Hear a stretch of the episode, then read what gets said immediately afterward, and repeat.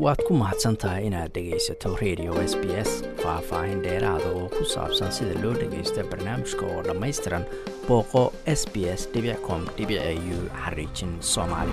Dhowaan s b s soomaali waxaa u suurto gashay inay booqato xubno ka tirsan jaaliyadda soomaalida ee degan magaalada beth ee gobolka west australia halkaas oo ah magaalo ay degan yihiin jaaliyad ballaarani waxaana waraysiyo arrimoa kala duwan taabanaya la yeelanay xubno ka tirsan jaaliyadda. Magacaygu waa xasan maxamed cigaal xasan dhoombe waxaan ahay guddoomiyaha jaaliyadda western australia beth. Waxaan guddoomiye ahaa ugu yaraan sagaal sana hadda. Jaaliyadduna maalin walba waa sii badanaysaa. Meel fiican baana wax walba noo marayaan. Marka jaaliyadda west australia degan nolosheeda guud ama maxay uga duwan tahay jaaliyadaha kale ee soomaalida ee gobollada kale magaalooyin kala duwan badsle waxay uga duwan tahay waxa western australia ay uga duwan tahay australia inteeda kale. Muxuu ahaa dadku aad wax uga shaqeeyaa mininka ama muxuu ahaa macdanta la soo saaro. Waxaa kaloo laga shaqeeyaa magaalada gudaheeda. Macnaha waddankan statekan aad baa macnaha shaqadu hadda beri bay gaabsaday markii macnaha covidka wax jireen.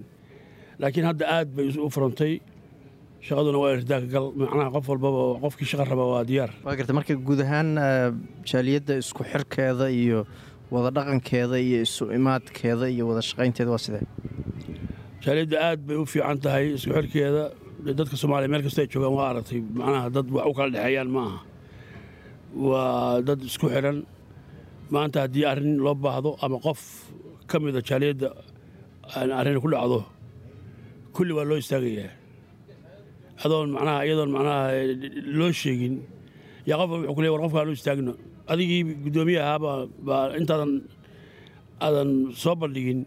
Baa adigii lagu soo wacay gu leeyahay qofka arrintaasa haystay anu marka dadka somaaliya waa dad isjecel waa dad isku xidhan waa dad mataqaanaa aadna ugu foogan in dalkoodii uu si fiican u hagaago. Sidii wixii ay barteen iyo wixii halkaan ay ka qabsadeen ay dalkoodii ugula laabtaan. Waddanka gobol ahaan markay noqoto soomaalida dhexgalka bulshada kale markay noqoto shaqooyinka waaweyn iyo siyaasadda iyo arrimahaas maxaa ka suuroobay? Waxaa hadda aad iyo aad maaragtay dhiirigelin fiican na siiyey ayaan dhexdaasa waxaan qabannay xaflad loogu talagalay dhallinyarada jaamacadda jaamacadaha dhigta nambarkooda aad baan ula yaabay. Waa nambar aad u badan. Marka waxaa lagu farxo ah in waxbarashadiina ay aad iyo aad u wadaan dadka soomaaliyeed dhallinyaro weliba dhallinyarada isla markaasna ay u badan yihiin gabdhuhu gabdhuhu muxuu ahaa ilaa iyo ma xirtaan xataa ilaa ay dhammeeyaan kama haraan. Marka gabdhaha waaba ku ammaanaya arrintaas. Taas waa taas.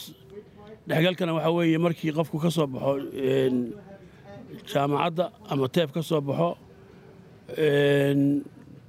wuxuu helayaa shaqo qualificationkiisa maaragtay u dhiganta ayuu helayaa maadaama hadda shaqadii macnaha meel walbaba la raadinayo dadkii la raadinayo ciriiri aysan ku jirin.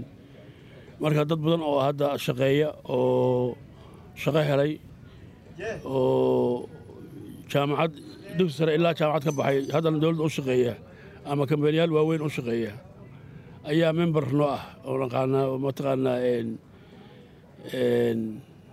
aad iyo aad encouragement inta ka yareer siinaya. Shaqooyinka mininka oo kale ma shaqooyin xirfado u baahanba mise qof kastoo raba oo shaqo raba waa ku shaqeeya. Soomaalida ka shaqaysas intaad og tahay. Shaqooyin noocey ay ka qabtaan? Marka hore dadku waxay ku galaan kii xirfad lahaana inta xirfad lahayd horta ma badna. Laakiin marka hore waxaa lagu galaa xirfad la'aan. Isla kambaniga aad u shaqaynayso haddii uu shaqadaada ka helo asagaa xirfad kuu diraya training buu kuu dirayaa. Saddex bilood wax la mid ah. Iyadoo lacagta kuu socoto muxuu ahaa kadibna waxa weye waxaad noqonaysaa qof xirfad leh. Taasaan ogahay. Waxaan kaloo ogahay markay cabbaar ka shaqeeyaan dhallinyaradu way soo laabtaan. Waxay yidhahdaan waxaan rabnaa inaan qaadanno xirfad. Si lacag badan u qaadanno. Oo isku qofka aan xirfadda lahayn iyo qofka xirfadda leh. Isku lacag ma aha aad ba middaa kale uga badanta qofka xirfadda leh.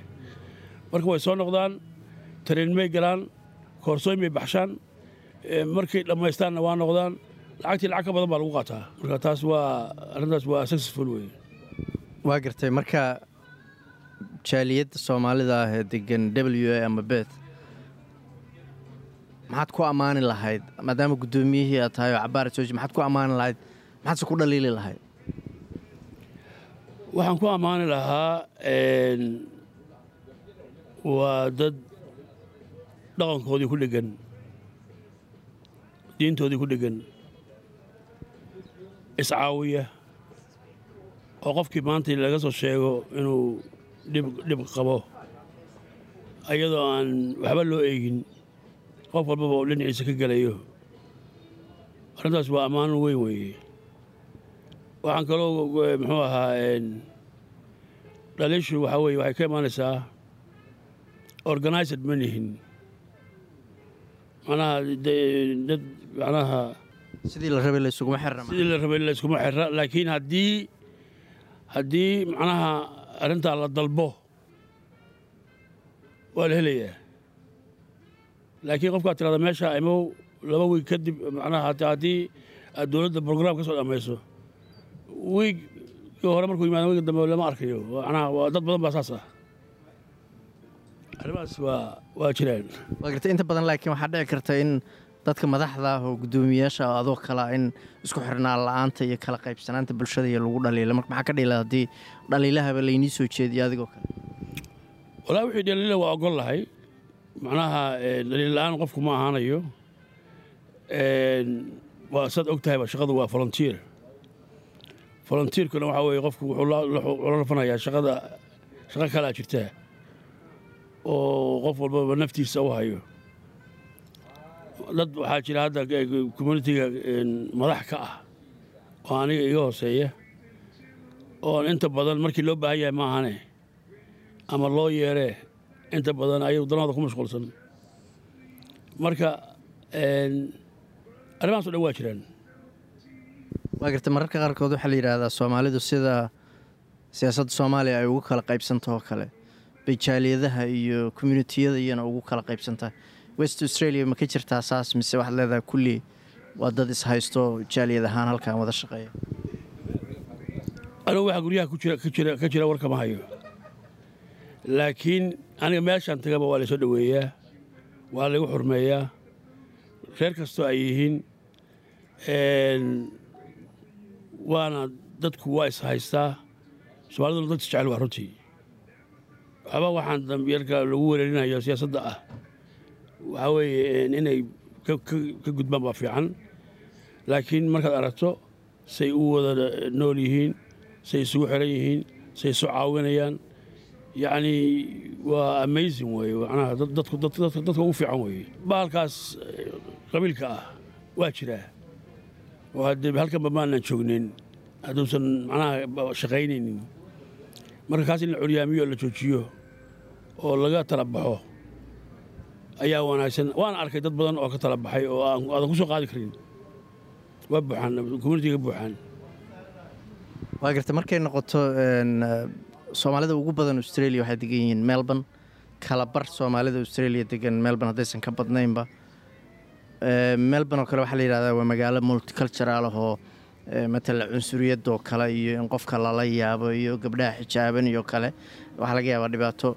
West australia waa sidee? Markay noqoto cunsuriyad badan ma ka jirtaa dhaqankiina ma ma lala yaabaa?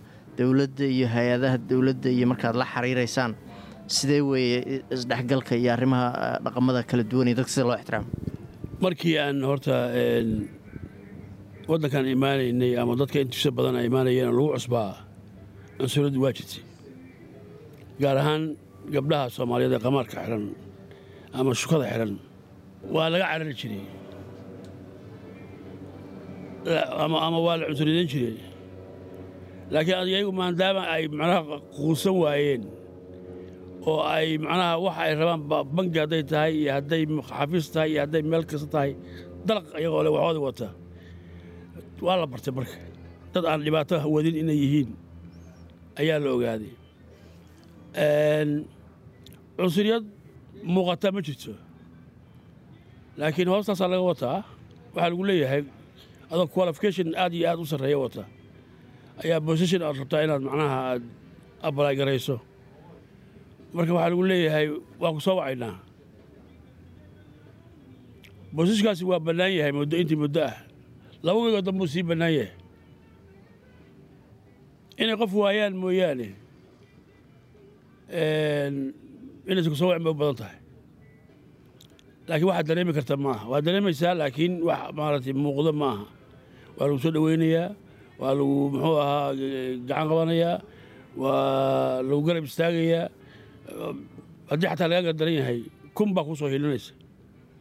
Marka ayaga laftoodu waa isbedelayaan adduunkii baa isbedelayaa beri adduunka dhan ka xirraa baa jirta oo nimanku isolated ahaayeen laakiin hadda adduunkii o dhan bay u furmeen wax walbay og yihiin. Diinta islaamka waxay tahay waa wada akhriyeen waa og yihiin. Waxaa la sheegaya inay miidiyaha tahay oo mataqaanaa waxba ka jirin. Waa waa badan saaxiibaanna waa noo sheegaan. Waxay yidhahdeen saan moodaynay maaha aad bay u fiicanta xaaladdu hadda. Waa garta ugu dambaynta waddankan gobolkan waxaa tiri mayninku aada uga duwan yahay dad badan baa ka shaqaysto waagii halkan aan idmaanayseen oo kale gobol ahaan iyo magaalo ahaan dhismo badan ma jirin. Lacagtii badnayd oo laga helay dowlad ahaan iyo waa laga faa'iday laakiin soomaalida ka shaqaysatay mayninka shaqadii iyo lacagii laga samey ka muuqataa matal ma jiraan. Dad badan oo guryo iyagu ay leeyihiin iibsaday mise dadku weli guryo dowladeed iyo kire iyo waxbaa lagu jiraa ma ka muuqataa mayninkii badnaa dadka soomaalida? Guryaha horta hadda boqolkiiba toddobaatan. Soomaalida guryo iibsatay lacagtiina waan ka faa'idaysteen ilaa hadda iibiyeen ilaa hadda. Hadda intaan garanayo weegii la soo dhaafay toban aan ogahay baa iibsatay guryo iibsatay. Isagoo weliba hadda qaali qaaligii ugu sarreeyey ah. Marka awal waxay isu hayeen waxay lahayn dalkii baa hagaagaya. Qof walba xoogaa aroorsaday meel buu ku xirtay. Wuxuu lahaa dalkii baa hagaagaya. Qasri iyo wax ka dhisatid mataqaanaa ama adiha lagu shaqeeyo. Laakiin de waktiguna waa socdaa. Maalin walbana hawlaha iska dhacayo waddankii sidii laga rabay weli ma aha marka soomaalidu aad bay guryaha u gadatay. Kuwa kalena waa ku tala jiraan inay gataan. Muhiimadda ugu weyn waxa way shaqo fiican haysato. Nimanka hadda mayninka wada aaday lama weydiiyeba su'aal horaa laga siiyaa. Marka la arko bay sliibkiisa la arko. Horaa laga siiyaa waxaa weeye kuwa kalena waxa weye faamil ahaan bay isugu darsanayaan inkabkooda soo gala. Marka waa degay hadda aad baa loo degay waddankan waa la degay hadda. Waxaan odhan lahaa inaanu noqono dad isku xiran oo dhaqankooda aan ka tegin oo aan diintooda ka tegin. Dhaqankeenna iyo diinteenna inaan haysanno inaannu isgarab qabanno inaannu macnaha qabyaaladda ka tagno qabiil iyo qabyaalad waa kala duwan yihiin qabyaaladda xun in qabyaaladda laga tago in aan u aan dareenno inaan nahay dad jira oo nation ah ree hebel ma aha annagu soomaaliyaan nahay soomaalinimadu inay weyn tahay baa loo baahan yahay way ka weyn tahay macnaha ree hebel iyo ree hebel iyo ree hebel arrintaa inay ku fakaraan baa loo baahan yahay soomaalidu si ay wax u noqdaan haddii kale waxba noqon mayno haddaan ree hebel iyo ree hebel iyo ree hebel daba taagnaano dadkan adduunkan wax laga fahmaya maaha. Laakiin calanka iyo soomaaliya haddii la arko waa la fahmaya somalia east africa ku taala baa la leeyahay badda ugu dheerna waa leedahay africa. Marka inay macnaha garwaaqsadaan nidaamka macnaha jaaniska ilaahay siiyo nasiibka ilaahay siiyey ayagoo isku diina oo isku afa oo isku sinjiyad ah oo isku muxuu ahaa muuqaal ah inay ilaahay ugu xamdiyaan weeye ma inay mataqaanaa qabiil xun oo aan waxba taraynin ay insurance ka dhigtaan looma baahna. Waa inay dalka insurance ka dhigtaan dalka iyo calanka. Kaasina wuxuu ahaa xasan cigaal oo madax u ah ururka somaali community association oo aanu kula hadalnay magaalada beth ee gobolka west australia waad ku mahadsan tahay inaad dhegaysato raadiyaha s b s. Toos u dhegaysa barnaamijka habeenada arbacada iyo jimcada tobanka fiidnimo. Ama kaga soo cesho website-ka iyaga iyo s b s radio app. Booqo s b s com au xariijin soomaali